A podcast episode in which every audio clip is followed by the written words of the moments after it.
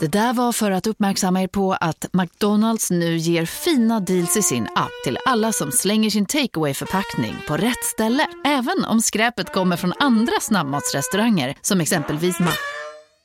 Eller till exempel Burger...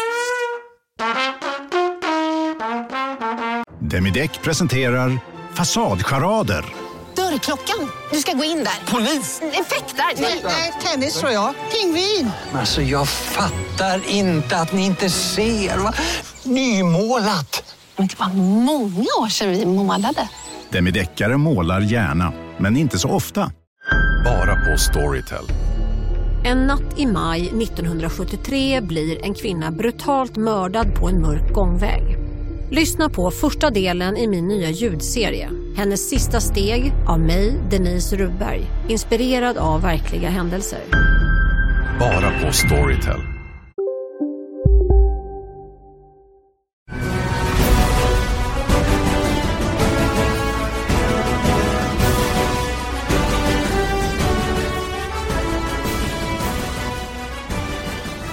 Ja, mina vänner, mycket välkomna ska ni vara till en ny podcast. Vi har satt motor vilar aldrig, i synnerhet inte Formel 1-avdelningen som laddar alldeles speciellt nu inför kommande helg då som är den näst sista för säsongen. Janne Blomqvist heter jag. Eje Älg med också förstås. Läget under kontroll hemma i Karlskoga hoppas jag. Läget är alldeles utomordentligt bra, du. Fantastiskt. Bortsett från lite förkylning och sådär, men det hör väl till. Nej, men det, det har du lite ja, men är det, inte, det är inte synd om mig alltså? Nej, nej inte det minsta faktiskt. okay, det ordnar sig ja, nog. Okay. Du kommer väl upp till Stockholm och smittar ner mig Ja. så det ordnar sig. Känner.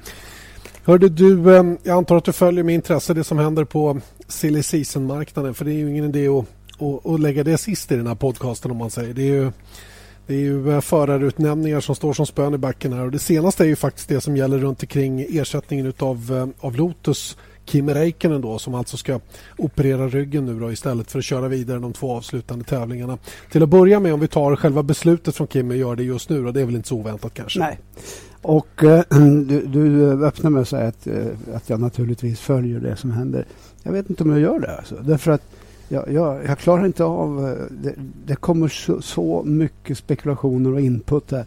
Så jag vet inte om man ens har, kan följa med. För att eh, det är ju en gissningslek utan dess maka. Alltså. Och just nu skulle jag vilja påstå att eh, ja, jag har aldrig upplevt ett sånt kaos som råder. Och då ska vi ändå komma ihåg att eh, de stora körningarna, de är ju i praktiken klara. Så, och vi trodde ju länge att när det blev klart vart Kimi skulle gå, ja då skulle allting liksom falla på plats. Icke sa Nicke. Det är totalt fullständigt kaos överallt känns det som. Mm. Och lite grann anledning till det är ju förstås då Lotus. Lotus som sådant, som team. Inga pengar, en, eh, Eh, en, en lång tid prat om en större deal som skulle då ske med det här Quantum Motorsport som, eh, som sen presenterades eh, i samma helg som vi körde i Abu Dhabi. Eh, I alla fall från ena hållet men den har fortfarande inte bekräftats från Lotus och från Genie Capital och Gerard Lopez då, som är ägaren till Lotus. Så vad jag vet så finns det inga pengar fortfarande som har kommit in. Nej, det, det, ärligt talat Janne, de gräver ju sin egen grop. Alltså de här Quantum eller vilka det nu är som gör det, inte vet jag. Men det är faktum då att de försökte rädda ansiktet med att få Kimmy att köra i Abu Dhabi och gick ut och sa att det var klart och, och så vidare. Det gör ju bara att det blir bara ännu löjligare. Det är ett stort skämt hela alltihop.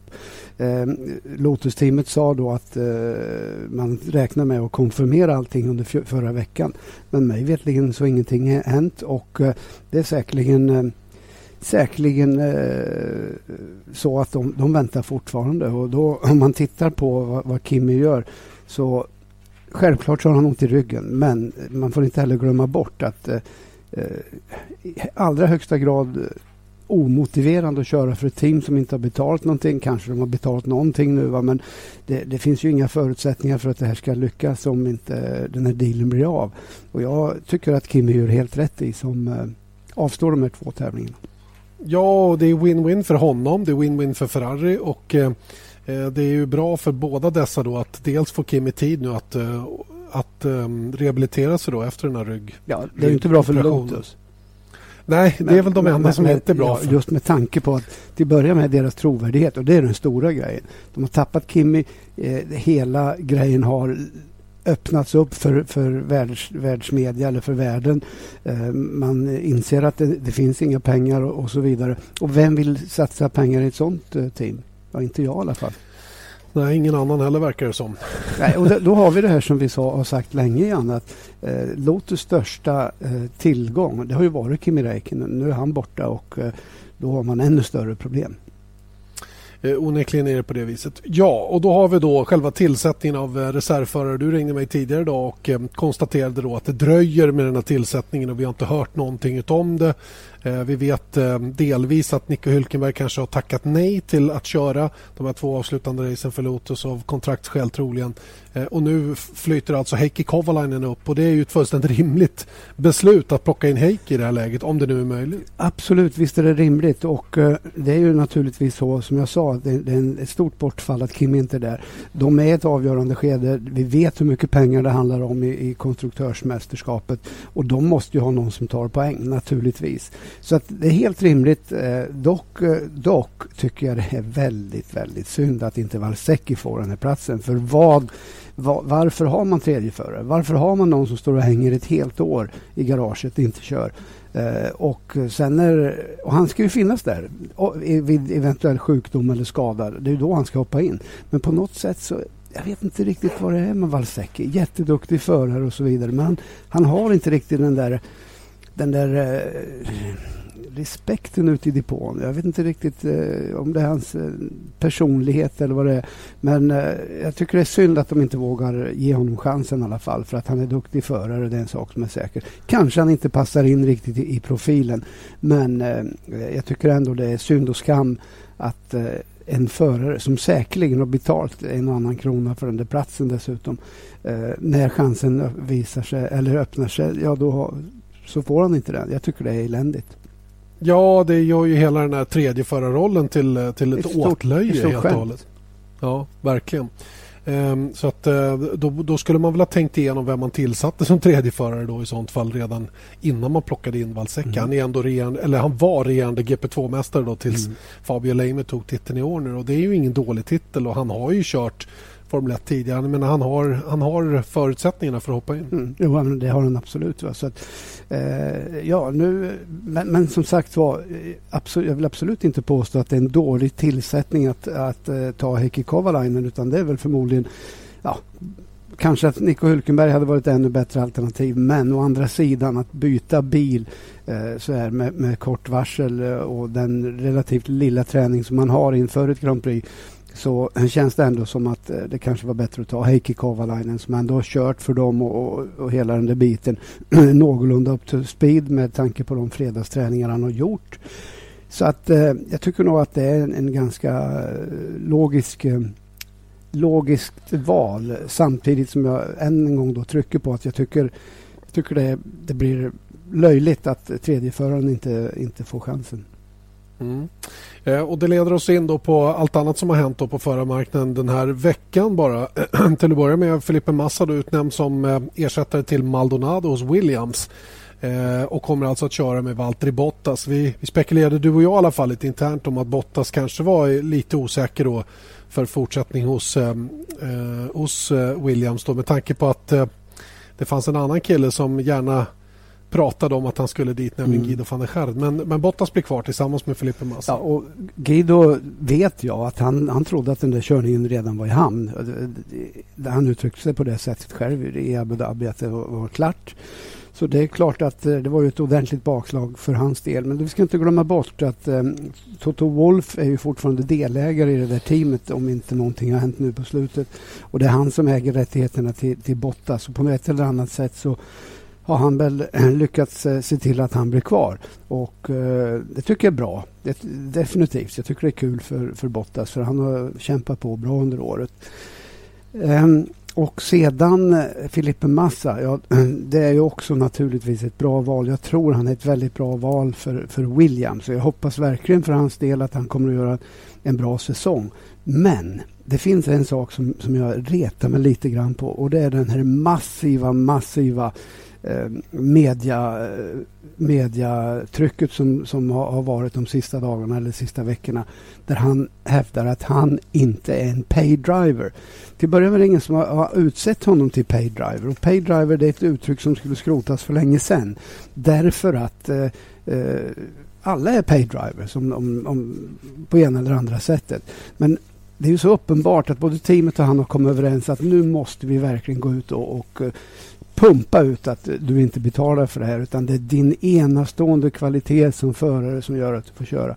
Det är klart att det är det, va? men en sak är säker att man räknar med att det kommer in sponsorer från Brasilien och, eh, eh, och det är inget fel med det, för så ser Formel 1 ut idag. Det finns ingen som inte, inte betalar för sig i stort sett. Alonsos lön är betald av, av en bank nere i Spanien. Så att, hallå, vad är, det för, vad är det för konstigt med det?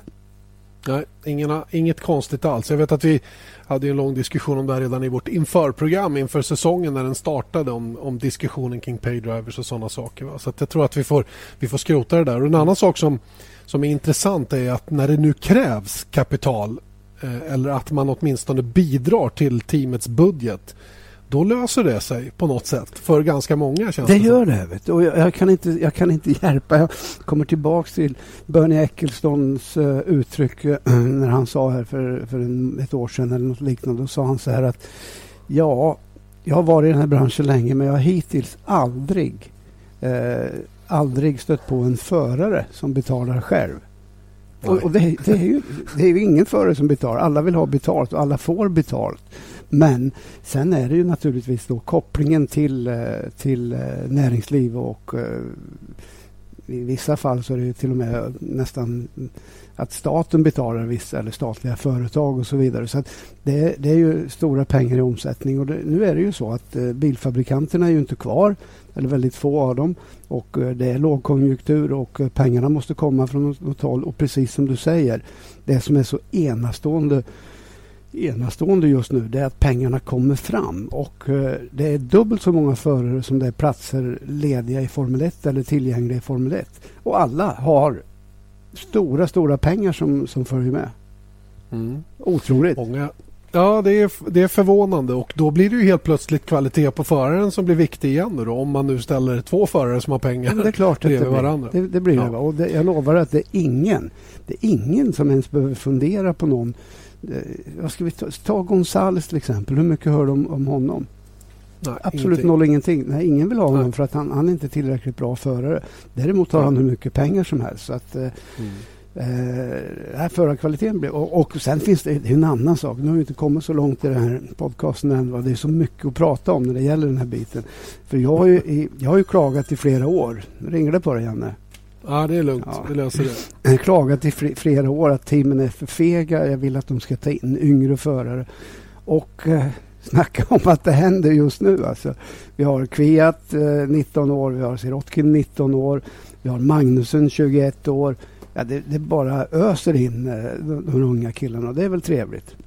Ja, visst sjutton är det eh, Och det är faktiskt en sak som har irriterat mig nu om vi ska hålla oss kvar vid saker som, man, som gnager lite i bakhuvudet så där, över hur saker och ting fungerar. Det är att teamen tycks aldrig behöva ta några risker. Hur, alltså, teamen ser förare som en budgetpost snarare som en tillgång i bolaget. Mm, Förstår du hur ja. jag tänker? Ja, och det där jo, tycker visst, jag är snurrigt. Men, ja, men hur ser du på hur ser du på McLarens val om de nu tar Magnusson? Där tror nej, jag inte det finns men, några stora. Nej. Och då tar de ju en risk. Ja, det är det jag menar. Jag, jag, skrev också det i min blogg att det var på tiden att något av de större teamen också nu ja, tar lite okay, risker ja. faktiskt och, och, och, och, kliver in och, och faktiskt gör skillnad för en ung kille. Mm. För det är ju faktiskt det de gör för Kevin Magnusson. Ja, de gör ju skillnad från honom. Verkligen. Och på något sätt så känns det dessutom som att McLaren känner sig lite akterseglade i Red Bulls juniorprogram, Ferraris juniorprogram. De har inte haft någon sen Lewis Hamilton och nu är Lewis Hamilton borta. Så på något sätt så är det nästan som att de, de är lite desperata att, eh, att mm. visa att vi kan också. Och, det är ju, mm. och så kanske man då tar en liten chansning med, med Magnusson, vilket är eh, stort plus i kanten för deras del. För vi ska heller inte glömma bort det en sak, Jan, och det är ju det att någonting som vi inte har pratat om.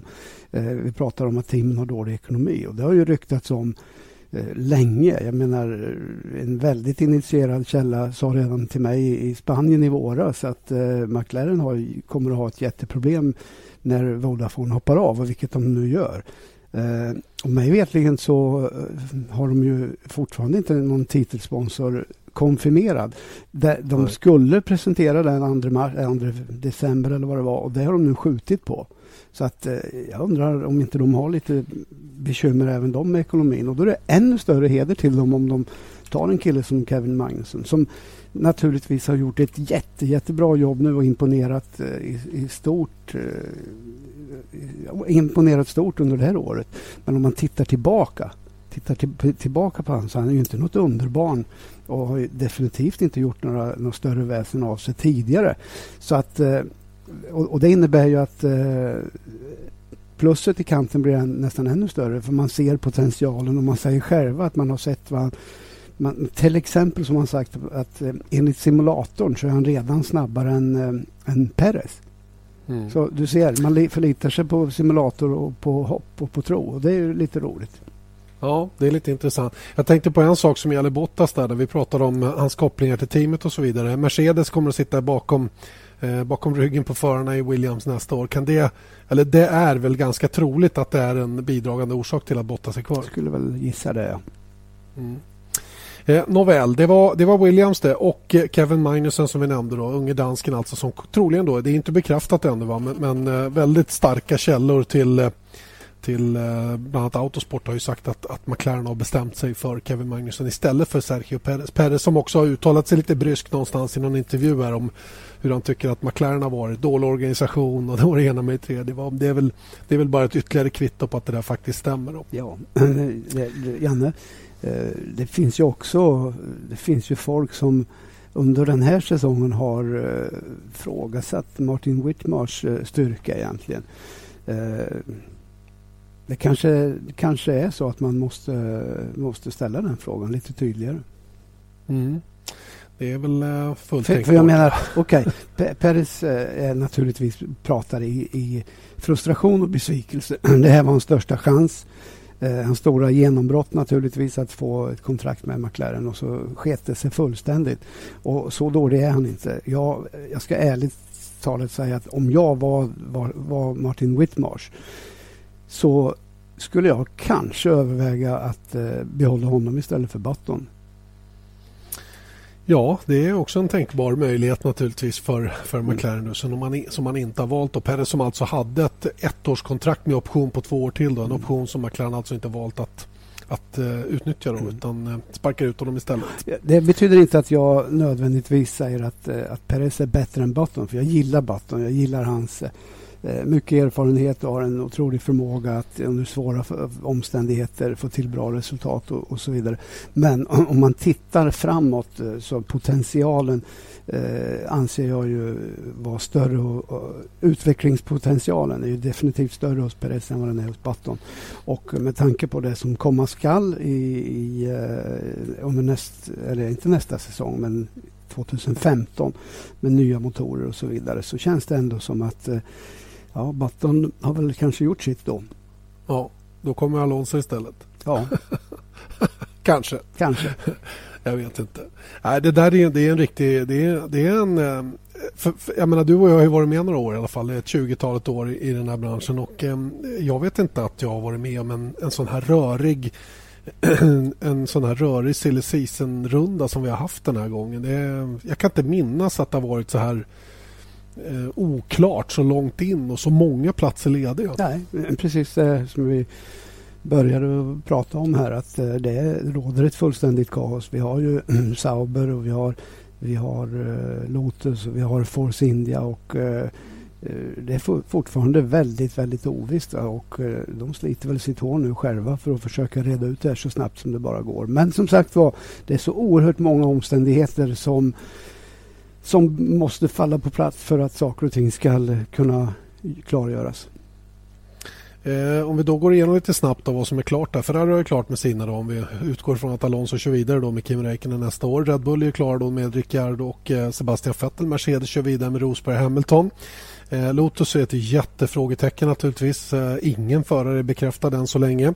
Eh, och där bakom är det ju egentligen väldigt obekräftat. Det är ju Toro Rosso, lite oväntat då, som har Ja, klart båda Williams. sina förare. Williams. Och Williams nu då, eh, som också har bekräftat det. Men i övrigt så är det fortfarande vidöppet alltså. Mm. Och, om vi ser till silly season lite grann i övrigt då. Vi pratade om att det fanns många förare och lite färre platser. Stämmer det verkligen? Är det inte det är bara en fråga om att pussla, pussla ihop det här bara på rätt sätt?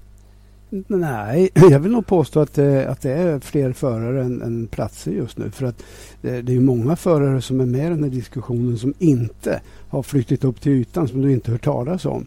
Och, och, eh, och, och, så vidare. De, de namnen du hör om, ja det är ju de killarna som redan är etablerade i, i Formel 1 så att säga. Men det finns ju en massa andra också.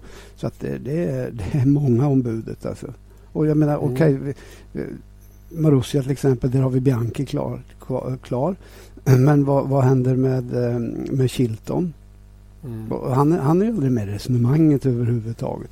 Pick, blir han kvar? Guido van der Schard. Eh, vad gör han nu när han inte har någon, någon, eh, någonting där? Och sen så har du då de här gubbarna under där. Eh, Nasser och vilka det nu kan handla om. Som eh, länge har gått med en vidöppen plå- plånbok och hävdat att de har si så, så många miljoner dollar och så vidare.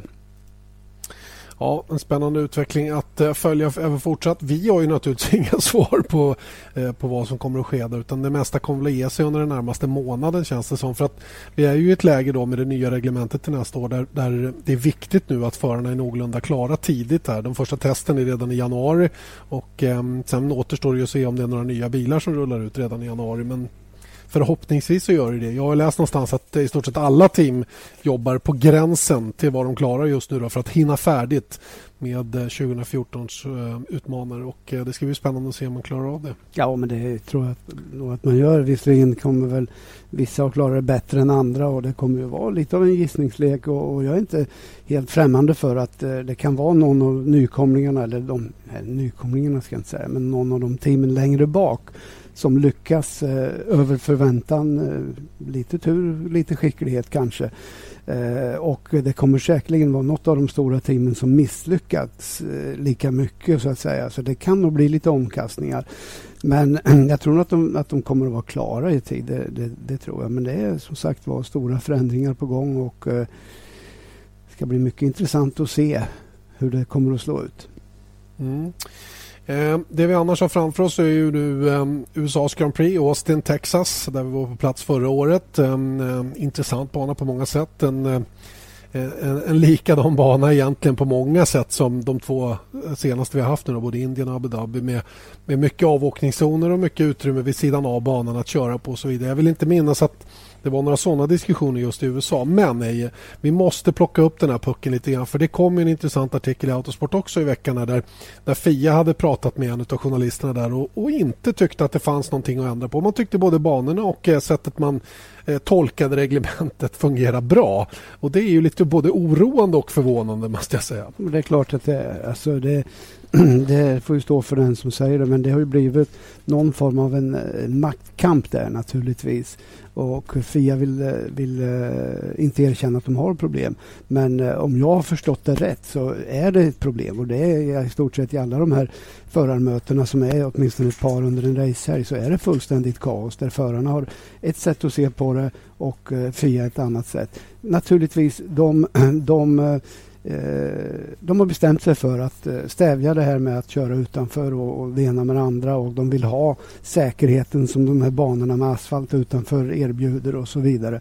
Men kompromissen är väldigt, väldigt svår att, eh, att få att gå hand i hand. Och jag, jag är fullständigt övertygad om att det här problemet kommer att fortsätta.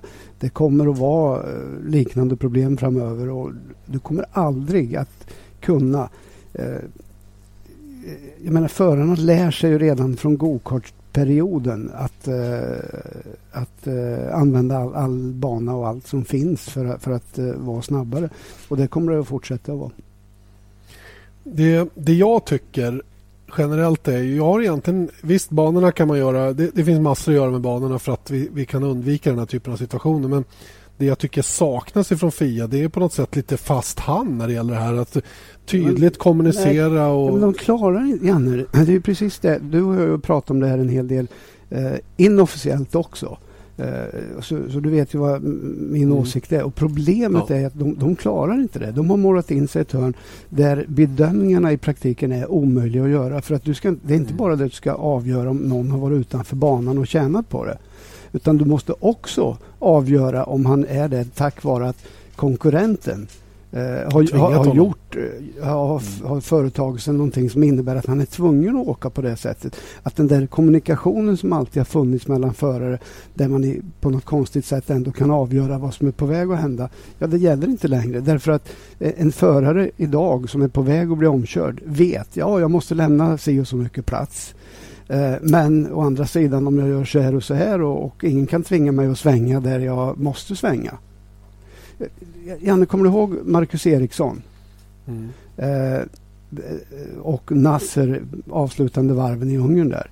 Just det. Nu klarade sig Marcus, men det var på vippen att han åkte dit. Men där har du alltså ett typexempel. Marcus var ju jättesmart naturligtvis, för han lämnade den där metern. Men han svängde aldrig in i kurvan.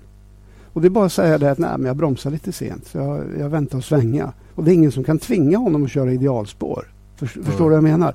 Så att mm. bevisbördan blir, blir helt knasig. Alltså, du, du måste, måste först titta på en mängd omständigheter. Och någonstans, jag läste också den där artikeln som du pratar om och någonstans mm. i den så stod det precis det jag, det jag antydde tidigare. Det finns i så fall bara ett enda sätt och det är att man måste ha en eller två funktionärer som bevakar varje förare i varje kurva. Och mm. Jag menar, det, en, det håller ju inte.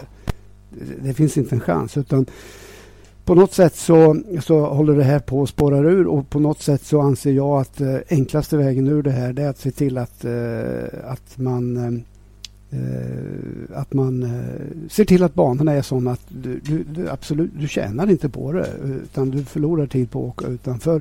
Och eh, jag är övertygad om att man hittar en variant som inte blir livsfarlig. Och ja, visst, man ska aldrig tumma på säkerheten men man be det behöver man inte göra utan eh, ska de köra i 350 km i timmen då kommer det i alla fall vara farligt. Ja, på ett eller annat sätt. För det, stå, för är det någon som står stilla då blir det en jäkla smäll alltså. Då kommer det 350. Nej, men skämt åsido, men förstår vad jag menar. Ja, det, ja, ja, det går visst, inte att göra det här till en vi kan inte göra tv-spel av Formel 1. För att då, helt, visst, det är många som tycker det är jättekul med tv-spel. Men för mig så är tv-spel en sak och Formel 1 är något helt annat. Och så ska det vara. Det hoppas vi verkligen. Har, har du hört det? det. Sluta ja, tjata om det här nu. Ja, jag, jag, jag börjar bli lagom trött på att du hela tiden ska pressa mig på svar. Jag vet inte, Nej, Janne, men... Nej, men jag, jag pressar inte på svaret. Jag är bara intresserad av den här diskussionen.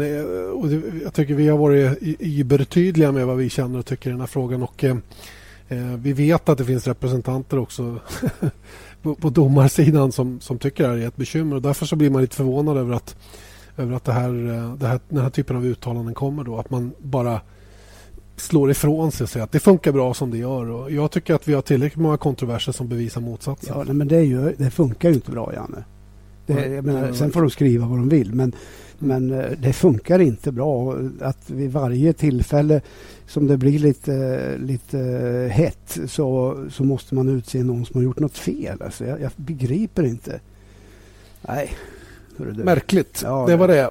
Hörru du, eh, ja, ska vi landa då lite grann på, eh, på banan eh, COTA som den heter då. Circuit of the Americas som den döptes till. Och en jätte, jättefin bana. Helt fantastisk egentligen och en dröm att vara vid. Mm. En dröm att jobba på. Vi hade till och med kontorsstolar som var mjuka att sitta på i kommentatorshytten. Det har jag aldrig varit med om på någon Det var därför du aldrig kom upp då. Den var för mjuk. Det, för du satt ju och hängde där i tre ja. dagar. Alltså. Vem, vem lämnar en sån perfekt plats? Nej, men eh, hela mediacentret, allting det var, var, det, var, det, var, det var briljant verkligen. Och det var Pop, nära ner till pitlane. Popcorn och chips, eh, eller vet ja, eller hur? med ost, vet du, Coca-Cola, hamburgare. hamburgare. Gud, det var ju en dröm alltså. Jag förstår inte varför vi inte fick åka i år. Det var väl för dyrt att flyga dit så vi har gått upp för mycket i vikt sen förra året. Eh, banan som sådan då har ju eh, den är lite speciell faktiskt. Den har ju den här otroligt branta uppförsbacken då in i kurva 1 till att börja med. Tänk att jag visste att du skulle säga det. För det är precis oh. det som alla tycker är så häftigt. Och vet du vad jag skulle vilja ha? Jag skulle vilja ha en nedförsbacke där istället. Ja, det därför att, därför att det, det skulle göra det ännu fräckare. Eh, jag tycker inte alls det är något häftigt med den där uppförsbacken. för den är så brant. Så att det Lystring, lystring alla fotbollsälskare. Nu kommer vi varje vecka bjussa på utvalda höjdpunkter från veckan med Toto Balotto i din poddspelare. Vi kallar det för Bäst av veckan. Och tillsammans så laddar vi såklart upp inför ett storartat fotbolls-EM i sommar. Och vill du inte missa en enda sekund av podden så hittar du som vanligt två fullmatade avsnitt på Podmi Premium. Vi hörs! Ciao Toto!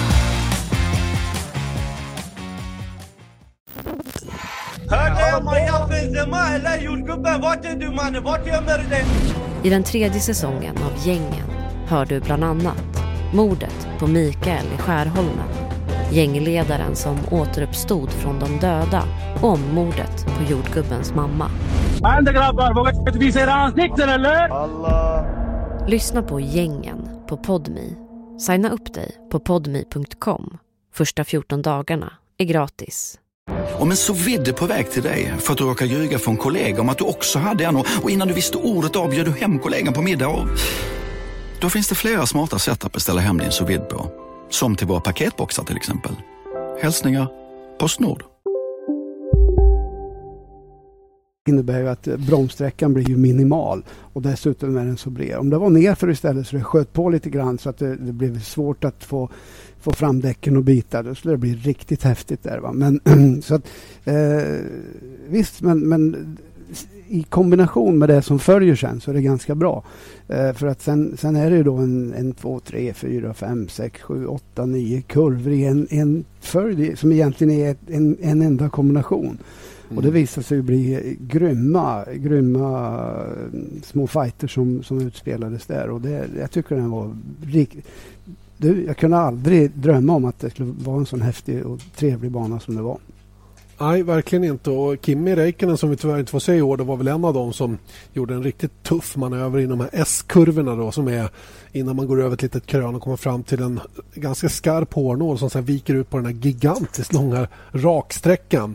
Mm. Eh, och sen så viker man in i ett nytt lite mer tekniskt parti där det svänger lite fram och tillbaka och vi har en sån här lång typ eh, kurva 8 Istanbul-kurva som vi har sett även i Indien och som vi har sett i Korea som Herman Tilke uppenbarligen tycker är en bra idé när han designa de här nya banorna. Men generellt så är det ju en, en fin bana och jag tror att vi kan förvänta oss rätt så bra racing. Ja, det tror jag. Det, den, eh, eh, för, för det, det, du beskriver nu det är ju bara början på den. För sen har du ju avslutande delen med eh, den här långa kurvan som du sa och eh, några 90 grader då. Tänk på kurvan 19 eh, till exempel som är väldigt, väldigt utslagsgivande. Så jag tycker det var en riktigt, riktigt bra bana och vi såg ju grymt många omkörningar. Visserligen DRS då på bakrakan där. Men eh, jag, jag tror att det kan bli ett riktigt bra race. Och eh, dessutom på prime time då i Sverige där den första träningen startar eh, 15.55 på fredag eftermiddag. Så det är perfekt. Då hinner man komma hem från jobbet och, och eh, softa lite grann innan det drar ihop sig. Om man snabbt tittar på hur fjolårets eh, race så var det ju en eh, enstoppare va, för de allra flesta. Ja och eh, man körde medium och hårt när det gäller däckvalen förra året. Och ehm, Det är samma sak eh, den här gången att man eh, kör de två hårdaste gummiblandningarna. Två stycken DRS-zoner, en är efter den här hårnålen som jag pratade om tidigare, kurva 11, mellan kurva 11 och 12 där inte man får öppna vingen förrän en bit ut på raksträckan och sen har vi då start och mål då som blir den andra möjligheten. Och ingången i kurva 1 den är ju väldigt, väldigt bred. Det är ju mm. hur mycket plats som helst där och väldigt lite olika spår. Så det kan bli lite intressant där faktiskt. Ja, absolut och äh, i och för sig jag vet inte om vi såg så många omkörningar i, i utgången där. Det kanske vi gjorde i nedförsbacken. Va? Men eh, eh det är en sån bred ingång som vi har kurva 3 i Indien till exempel över krönet där. Samma sak. Det, du har möjlighet att ta höjd och du har möjlighet att eh, ta lite andra spår. Och det är alltid trevligt. Det, det gör att eh, det inbjuder till eh, lite, lite försök i alla fall. Mm.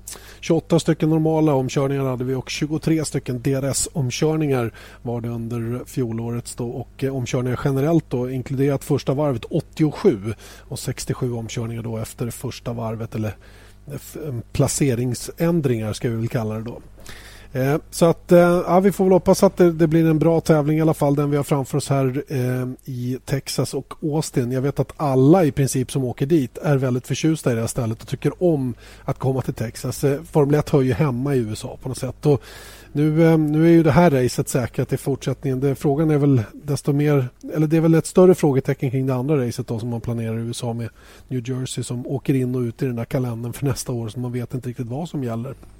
Nej, det är ju lite synd faktiskt för det såg jag fram emot. Men eh, eh det är inte lätt att anordna eh, street eh, eller vad heter det, stadslopp, det vet vi ju. Och eh, det verkar som att man har problem där, helt klart. Förra veckan så tog vi och tittade till en av de svenskar som har varit i Formel 1 och det var ju Gunnar Nilsson som hamnade på tapeten förra, förra veckans podcast. Den här veckan tänker jag vi ska kolla till en kille som jag känner till väldigt lite om. Han är bara två år yngre än min pappa. Så det kanske förklarar saken. Eh, jag pratar förstås om Conny Andersson, född 28 december 1939. Hallå, jag visste inte vem vi skulle prata om. Jag tänkte, men pratar du om Jocke Bonnier tänkte jag. Conny, Nej, Conny Andersson. Conny Clark, alltså, en kompis till mig där vet du. Ja, berätta lite. Vem är Conny Andersson Conny, hur var han? Conny är från, från västkusten. Och ju, han höll på länge och var ganska gammal när han bröt igenom. Och jag tror inte han vann EM i Formel 3 men han, han, eh, han eh, hade ett jättebra år. Körde för ett italienskt team som jag glömt vad det heter. De körde med Toyota-motorer i, i March-chassin. Och han, han fightade som mästerskapet där med Brancatelli, Gianfranco Brancatelli och eh, gjorde ett riktigt bra namn, namn för sig själv. Sen gjorde han väldigt bra Formel 3-race i England. Jag vet att han vann något på Brands Hatch och så vidare. Eh, körde aldrig Formel 2. Ja, möjligtvis att han körde något av de här svenska racen som gick på Kinnekulle på eh, Knutstorp tror jag det gick något F2-race också. Men eh, det var Formel 3 som han gjorde som han gjorde sig ett namn i egentligen. Sen SM-titlar, det vet jag inte hur många han vann. Men han var riktigt duktig chaufför. Mm. Eh, sen var det faktiskt så att 1977 när jag bodde i England så, så tävlade ju Conny framförallt i EM och jag tävlade i brittiska mästerskapet. Men då kom Conny ner till mig. Jag bodde i Cox Green i Maidenhead, ett litet radhus där ihop med Torkel Tyrring. En kväll knackade på dörren, då var det Conny. Och så sa han, du, har ingen aning om vart jag har varit. Nej, så var har du varit? Jag har varit på SPRM och du, jag ska, jag ska köra BRM Formel 1. Och BRM, vet du, det var alltså det sämsta skiten du kunde tänka dig. Alltså det var rena, rena dyngan. Eh, de höll på med någon gammal 16-cylindrig motor. H16 kallas den för. Någon konstig figuration som aldrig fungerar. Jag tror de byggde egna motorer dessutom. BRM hade ju tidigare varit ett, ett, ett bra märke faktiskt. Eh, men eh, här, då var de riktigt på dekis. Och de hade en bil som var överviktig och stor. Men eh, Conny fick i alla fall testa den där och eh, körde, eller försökte att kvala in några race. För det, på den tiden så var det ju var det ju för många bilar så att man fick ju förkvala och sånt där. Och eh, jag tror, jag, rätta mig om jag har fel, jag, jag, tror aldrig att han kvalade in i något lopp. Men han hade, han hade den där dealen med BRM eh, eh, en, en kort tid i alla fall och eh, försökte att kvala in men Eh, Eh, det blev nog inte som han önskade och sen tror jag att han hoppade av faktiskt. Och, och, det var faktiskt det sista jag tror det var det sista Conny gjorde. Och han, ja, konstigt nog alltså. För att eh, oss racingfolk emellan, vi brukar ju stöta ihop eh, och man brukar ändå hänga kvar i branschen. Men Conny han, han bara tvärförsvann. Och det sista jag visste var, vet om han var att han öppna något företag där på västkusten. Jag vet inte vilken bransch och så vidare. Men han försvann väldigt, väldigt snabbt. Men eh, mm. mycket skicklig förare. Det man kan läsa sig till då via Wikipedia som brukar vara en sån där skaplig källa till eh, information är att han debuterade då i en Surtis Ford i Nederländernas Grand Prix 1976. Och det här blev faktiskt det enda lopp han körde. Eh, och då blev han tvungen att bryta.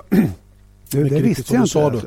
Ja, han körde året innan Insurtis och eh, eh, Andersson försökte sen kvala in då till fyra lopp under säsongen 1977. I en BRM, ja. En, ja, i en BRM. Ja. Så att, eh, det blev en eh, kort och koncis Formel 1-karriär då. Han var 40, vad blev han då? Han var... Ja, han, var ingen, han var inte purfärsk alltså. Det kan Nej, säga. 37 år då när han debuterade. Så Ja. att, eh, han, han, eh, han väntade på att blomma ut. Han väntade med att blomma ut kanske heter. Som dig. Ja, Som jag. Jag, jag väntar fortfarande att du ska göra något vettigt. Ja, jag är rädd för att det inte kommer att hända. Men det är lite kul att snacka om de här gamla F1-killarna som har varit eh, aktiva då, mer eller mindre i alla fall i Mm. Formel 1. För då kommer vi inte att prata om dig i alla fall. Nej. I alla fall. Nej. Nej. Så är det. bra. Ja. ja, ja, Det så är är bra det. att ni skiter i mig fullständigt. Bara utnyttjar mig som arbetskraft och stjäl all information, värdefull information som jag har. Kommer det saltgurkor, då kommer de tillbaka. vet du. Så är det. Ja. Så enkelt är det. Jaha, ehm, ehm, USAs Grand Prix till helgen alltså. Vi tar väl och lämnar dig kort och gott nu och ehm, du får väl, eh, vi hälsar dig välkommen upp till Stockholm här Mm. om några- någon dag eller så. Hörru du, att- en annan sak bara. Jag hade ju fel. Mm. Jag trodde ju att Lorenzo skulle vinna. Vet du. Ja just det, det trodde du ja. Ja. Men det, ja, han vann Ja, gjorde han vann. sig, men, vad, vad, vad som gick fel var ju att jag trodde ju jag trodde ju aldrig att eh, Marcus skulle hålla för, för pressen där. Men han, han, var, ju- han gjorde ju det. Alltså. han var stark. Mycket, mycket stark. Så det, jag erkänner, jag hade fel. Ja, men du, ej, även solen har fläckar. Vi kan, vi kan säga så. Du, tack så länge då. Tack så mycket. Och då säger vi hej till eh, Tobias Lion istället som eh, precis har kommit hem ifrån eh, en trevlig resa nere i Valencia. Gissar jag i alla fall. Det var väl okej det där? Mycket bra var det. Det var varmt, det var sommar fortfarande och det var ju fantastiskt intresse där. Publiken tillströmmar ju till i... Det var ju över 100 000 där på söndagen. Mm, 104 411 eller någonting sånt där tror jag den exakta siffran var. Ja, ju... de betalande.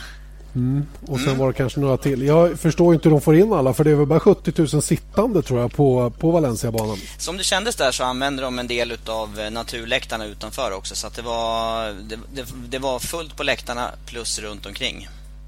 Eh, Hur upp, upplevde du då att se de här hojarna för, på riktigt nu då?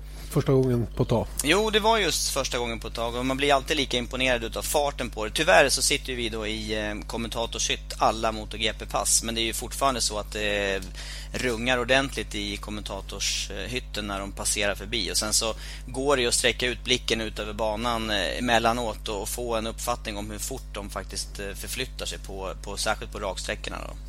Hur var känslan i depån då? Var, var alla, alla var väl förstås uppmuntrade uppmuntrande över de här fighterna som var åtminstone i två av mästerskapen. Ja, visst var det så. Det var, det var väldigt, väldigt eh, positiva miner i eh, hela depåområdet under hela helgen och framförallt då i och med att det var två öppna mästerskap. Så att eh, fullt påställ och mycket folk hela tiden i alla hospitalities och runt om och så märkte man också att eh, teamen i sig var väldigt spända på upplösningen då i Moto 3 och i MotoGP. Mm. Eh, visst fanns det ett visst spänningsmoment men ärligt talat 13 poäng eh, och eh, det syntes ju ganska tidigt om vi nu kommer in på det sportsliga i finalracet. Eh, Mark Marquez tar pole position till att börja med och som jag upplevde det och som ni också upplevde det ett riktigt, riktigt snabbt kvalvarv. Ja, visst är det så. Han, är, han har ju både flest pole positions och även då i slutändan... Eh, nej, han, han, blev inte, han hade inte lika många segrar som Lorenzo under året, men i ren fart så kändes det som att hade Marcus behöva sätta åt lite extra i det här sista loppet så hade han kunnat göra det. Nu var det ju Lorenzo som försökte dra ner farten inledningsvis och släppa upp eh, fler Yamaha-förare. Men det var ju ingen som kunde, kunde matcha farten hos Lorenzo av Yamaha-förarna. Så då var det bara för honom att, att gå och, Och stå på. stå på ja. Och så kom ju Pedrosa tillbaka och han blev ju mer eller mindre i, omvinkad utav Marquez. Så att det var, det var klart att Marquez hade mer att ge den här helgen. Ja, och sen eh, tycker jag att han, han löste ju saker och ting rent taktiskt på ett jätte, jättesmart sätt. Han, han lurades inte in i det här som Lorenzo uppenbart försökte då. Eh, som du sa, han tog täten och eh, det var eh, frenetisk körning de inledande varven där Pedrosa då fick ta eh, merparten av jobbet då, så att säga då, mot Lorenzo. Men Lorenzo försökte hålla ner tempot lite grann och de var ju rätt många ett tag. Ja, Men sen, var- blir det på, sen, sen blir det på något sätt som de där tre är för bra för resten. Ja, så har det varit under hela säsongen här och det är väl det man kan eh, hoppas framöver att det kommer att fylla på med flera förare som kan hålla den här farten. Nu tittar lite grann på träningstiderna. De har ju kört tester där måndag till onsdag den här veckan och Bradley Smith var bara tre tiondelar från Marcus idag på testerna. Det var Smith som var näst snabbast idag alltså. Um, så att, eh, det är väl vad man kan hoppas på, att det fyller på med flera underifrån. Men eh, som det varit i år så har de varit helt överlägsna, Lorenzo Pedrosa och eh, Marcus då särskilt. Mm, och då, då blev det också så när man satt och tittade på loppet att luften gick liksom ur halvvägs in i det. När eh, även Lorenzo insåg att det är väl bara att gå för seger här och sen får man hoppas på det bästa. Och då var det precis som du sa Men Marquez vinkade ju förbi Pedrosa och så la han sig på en tredje plats när det fanns tillräckligt många sekunders lucka ner till resten av gänget så att säga. Ja, så var det faktiskt. Men eh, de inledande tio varven där, de var ju väldigt, väldigt intensiva. Och kampen mellan Lorenzo och Pedrosa, det vet jag inte när jag såg senast så hård körning. Så det var, den tyckte jag var riktigt, riktigt eh, underhållande. Och hade Pedrosa då vi säger att han hade haft sina poäng med sig som man kunde haft utan kraschen på Aragon. Då hade ju han också varit med en utav titelutmanarna här i slutet. Så att eh, mm. helt klart så är det så att den som gör minst misstag och fortsätter att plocka poäng under hela säsongen, det är de som till slut eh, står högst upp på pallen. Men det verkar ändå vara den allmänna meningen att, att Honda haft ett bättre paket än vad, än vad Yamaha haft under säsongen. Är det så? Ja, det verkar som att förarna på Honda kan göra mer saker. De kan bromsa senare, de kan eh, komma snabbare ur sväng och framförallt då ha eh, när cykeln kan köras mycket hårdare, ställas, ställas in i böjarna och på något vis korta tiden i sväng och sen är det på med acceleration igen medan Yamaha framförallt då kräver lite längre eh, kurvor. Oavsett kurvtypen så är, ligger de mer på sidan med Yamaha under längre tid. Mm. Eh, sen hade vi då det andra mästerskapet som skulle avgöras den här helgen, nämligen Moto 3. Och där var det ju ännu mer spännande med bara några få poäng som skilde mellan, var det tre, fyra gubbar där framme? Mm, det var tre före. Det var Salom, det var Vinales och eh, Rins. Fem poäng de mm. emellan. Och det. loppet var ju helt vidöppet och tyvärr så kraschade ju Salom där en bit in i loppet och eh, då var det plötsligt mellan eh, Rins och Vinales det stod och det, gjordes, det avgjordes ju inte förrän i sista sväng så att eh, det, var, det var mycket, mycket spännande.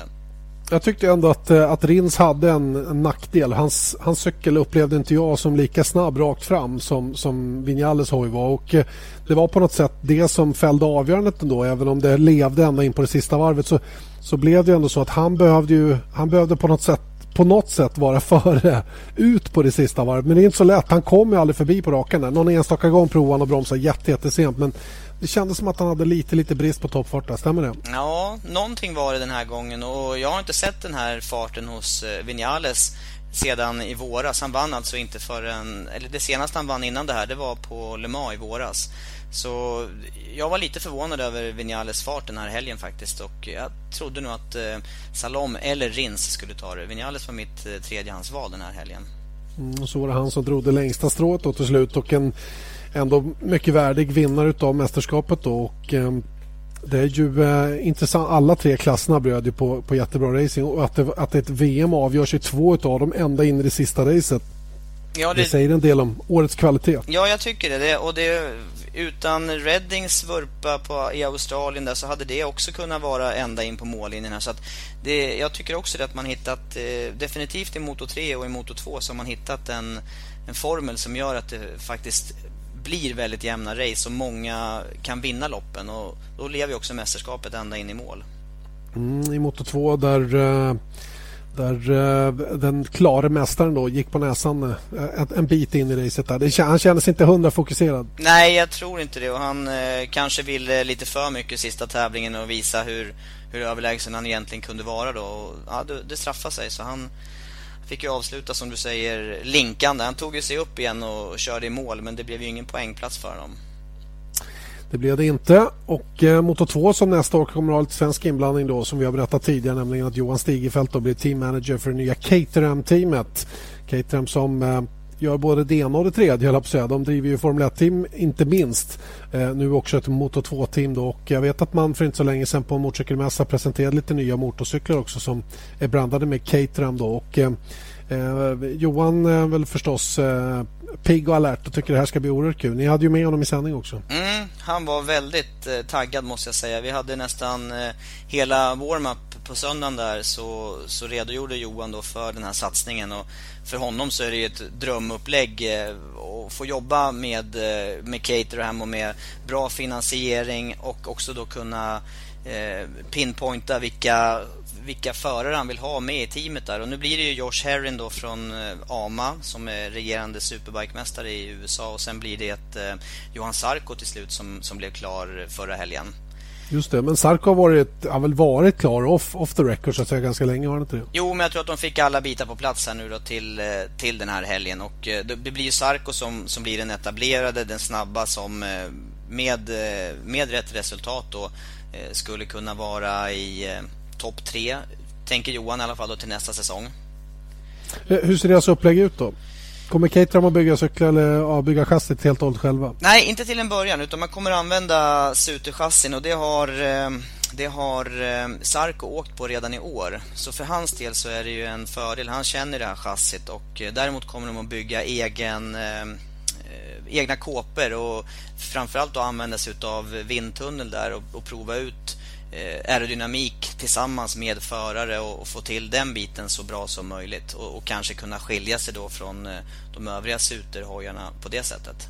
Just det. De har ju, Caterham har ju sin bas i Leafield i England då där, där teamet har uh, möjlighet att hjälpa till med vindtunnlar och lite sådana grejer. Och, eh, annars har jag fått reda på att eh, Moto 2-cyklarna aldrig kommer tillbaka till verkstaden någon gång från det att säsongen börjar till den tar slut. De är på resa hela tiden. Mm, det stämmer och de eh, tar sig om hand och naturligtvis på banorna. Och det gäller ju att ha bra backup med grejer där, för där har man ju bara en cykel per team. Men däremot så finns det ju då ett par till i delar med på plats. Eh, och sen så är det motorerna då som går på service var 1500 kilometer. Så 150 mil går motorerna. Sen går de eh, tillbaka på service till, eh, till Schweiz och sen så sänds de ut igen till teamen där.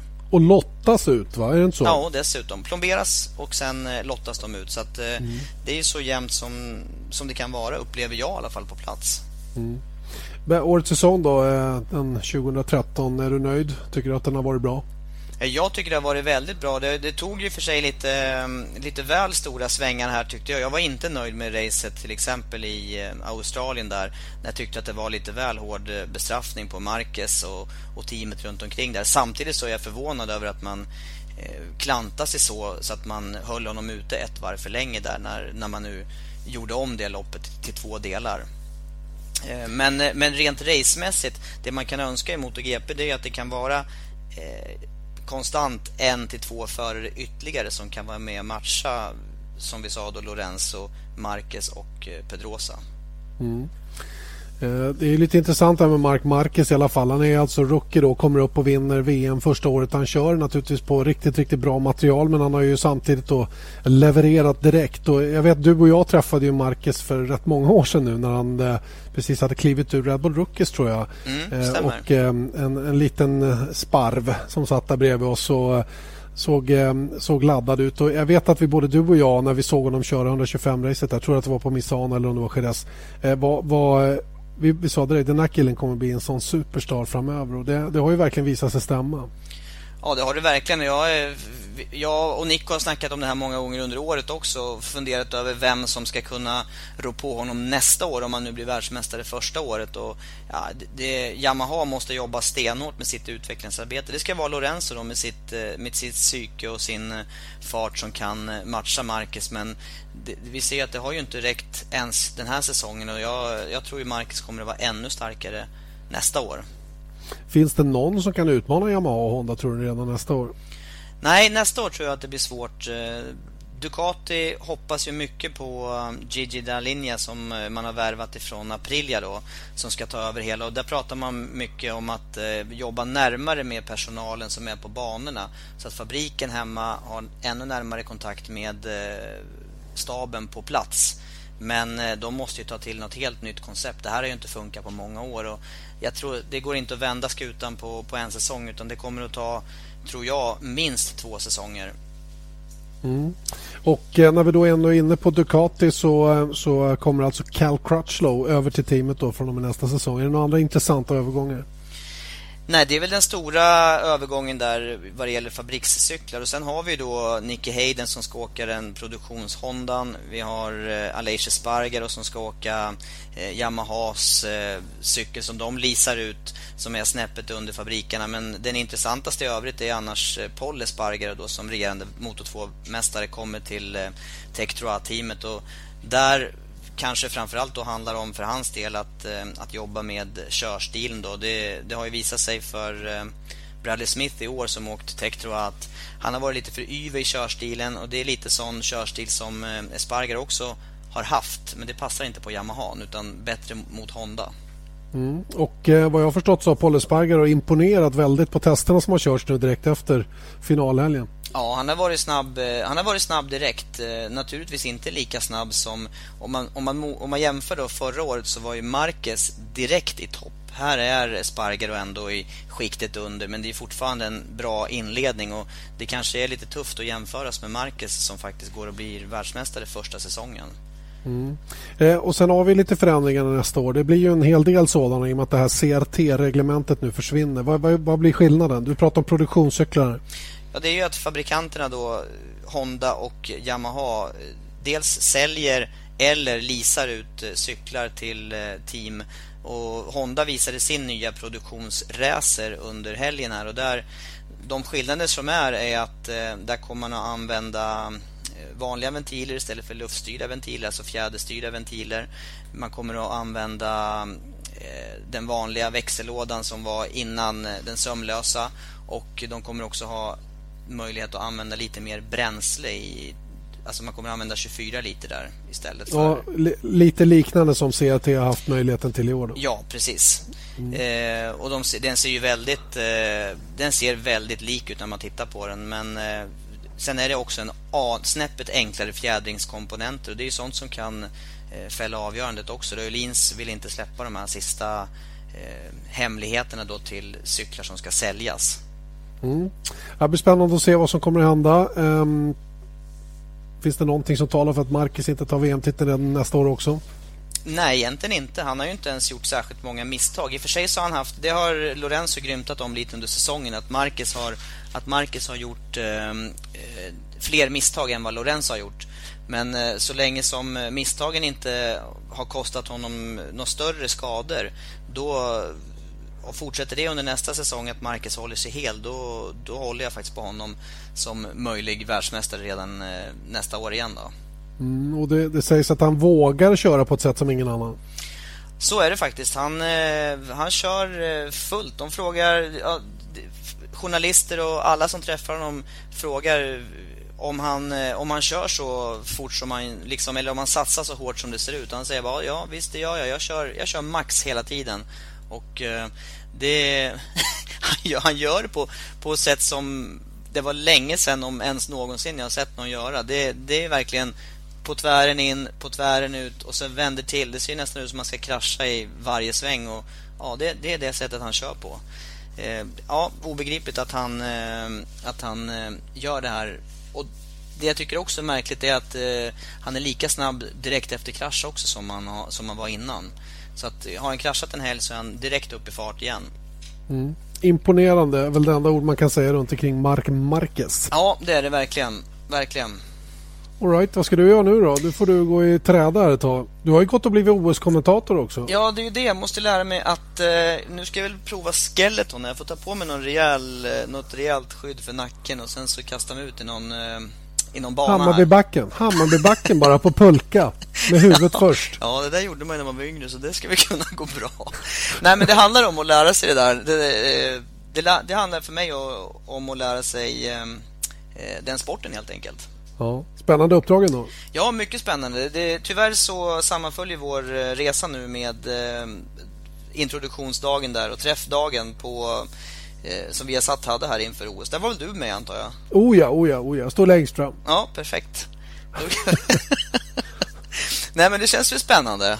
Absolut. Ja, det är mycket. bra att vi, vi motor, våra, vi avgashuvuden får vara med också lite. Jag tror att, det, jag, tror att jag kommer bli förvånad när jag, när jag får komma närmare den här sporten. För jag, jag kan tänka mig att eh, fartupplevelserna måste vara minst lika intensiva som på motorcykel eller som på, som på banor helt enkelt. Det tror jag säkert att det kommer att bli. Ja, jag ser fram emot det och eh, vi önskar en, eh, en bra off-season nu då för MotoGP-gänget som naturligtvis är tillbaka då när säsongen drar igång. I Qatar är det väl första tävlingen? Mm, Qatar i slutet av mars så uh, kör säsongen igång som det ser ut nu. Det är inte riktigt uh, spikat men där ligger datumet just nu i alla fall. Ja. Tack så länge då Tobias Lion och eh, då säger vi tack för denna podcast också från Viasat Motor och missa nu inte allt ifrån Austin, Texas kommande helg. Vi drar igång alltså fem minuter i fyra fredag eftermiddag med den första träningen ifrån den här fantastiska banan utanför Austin i Texas, huvudstaden i Texas också för övrigt. Då finns både jag och Eje på plats. Eje som också var med i denna podcast. Som sagt, tack så länge nu. Mer podcast blir det om en vecka igen. Vi hörs då. Hej då.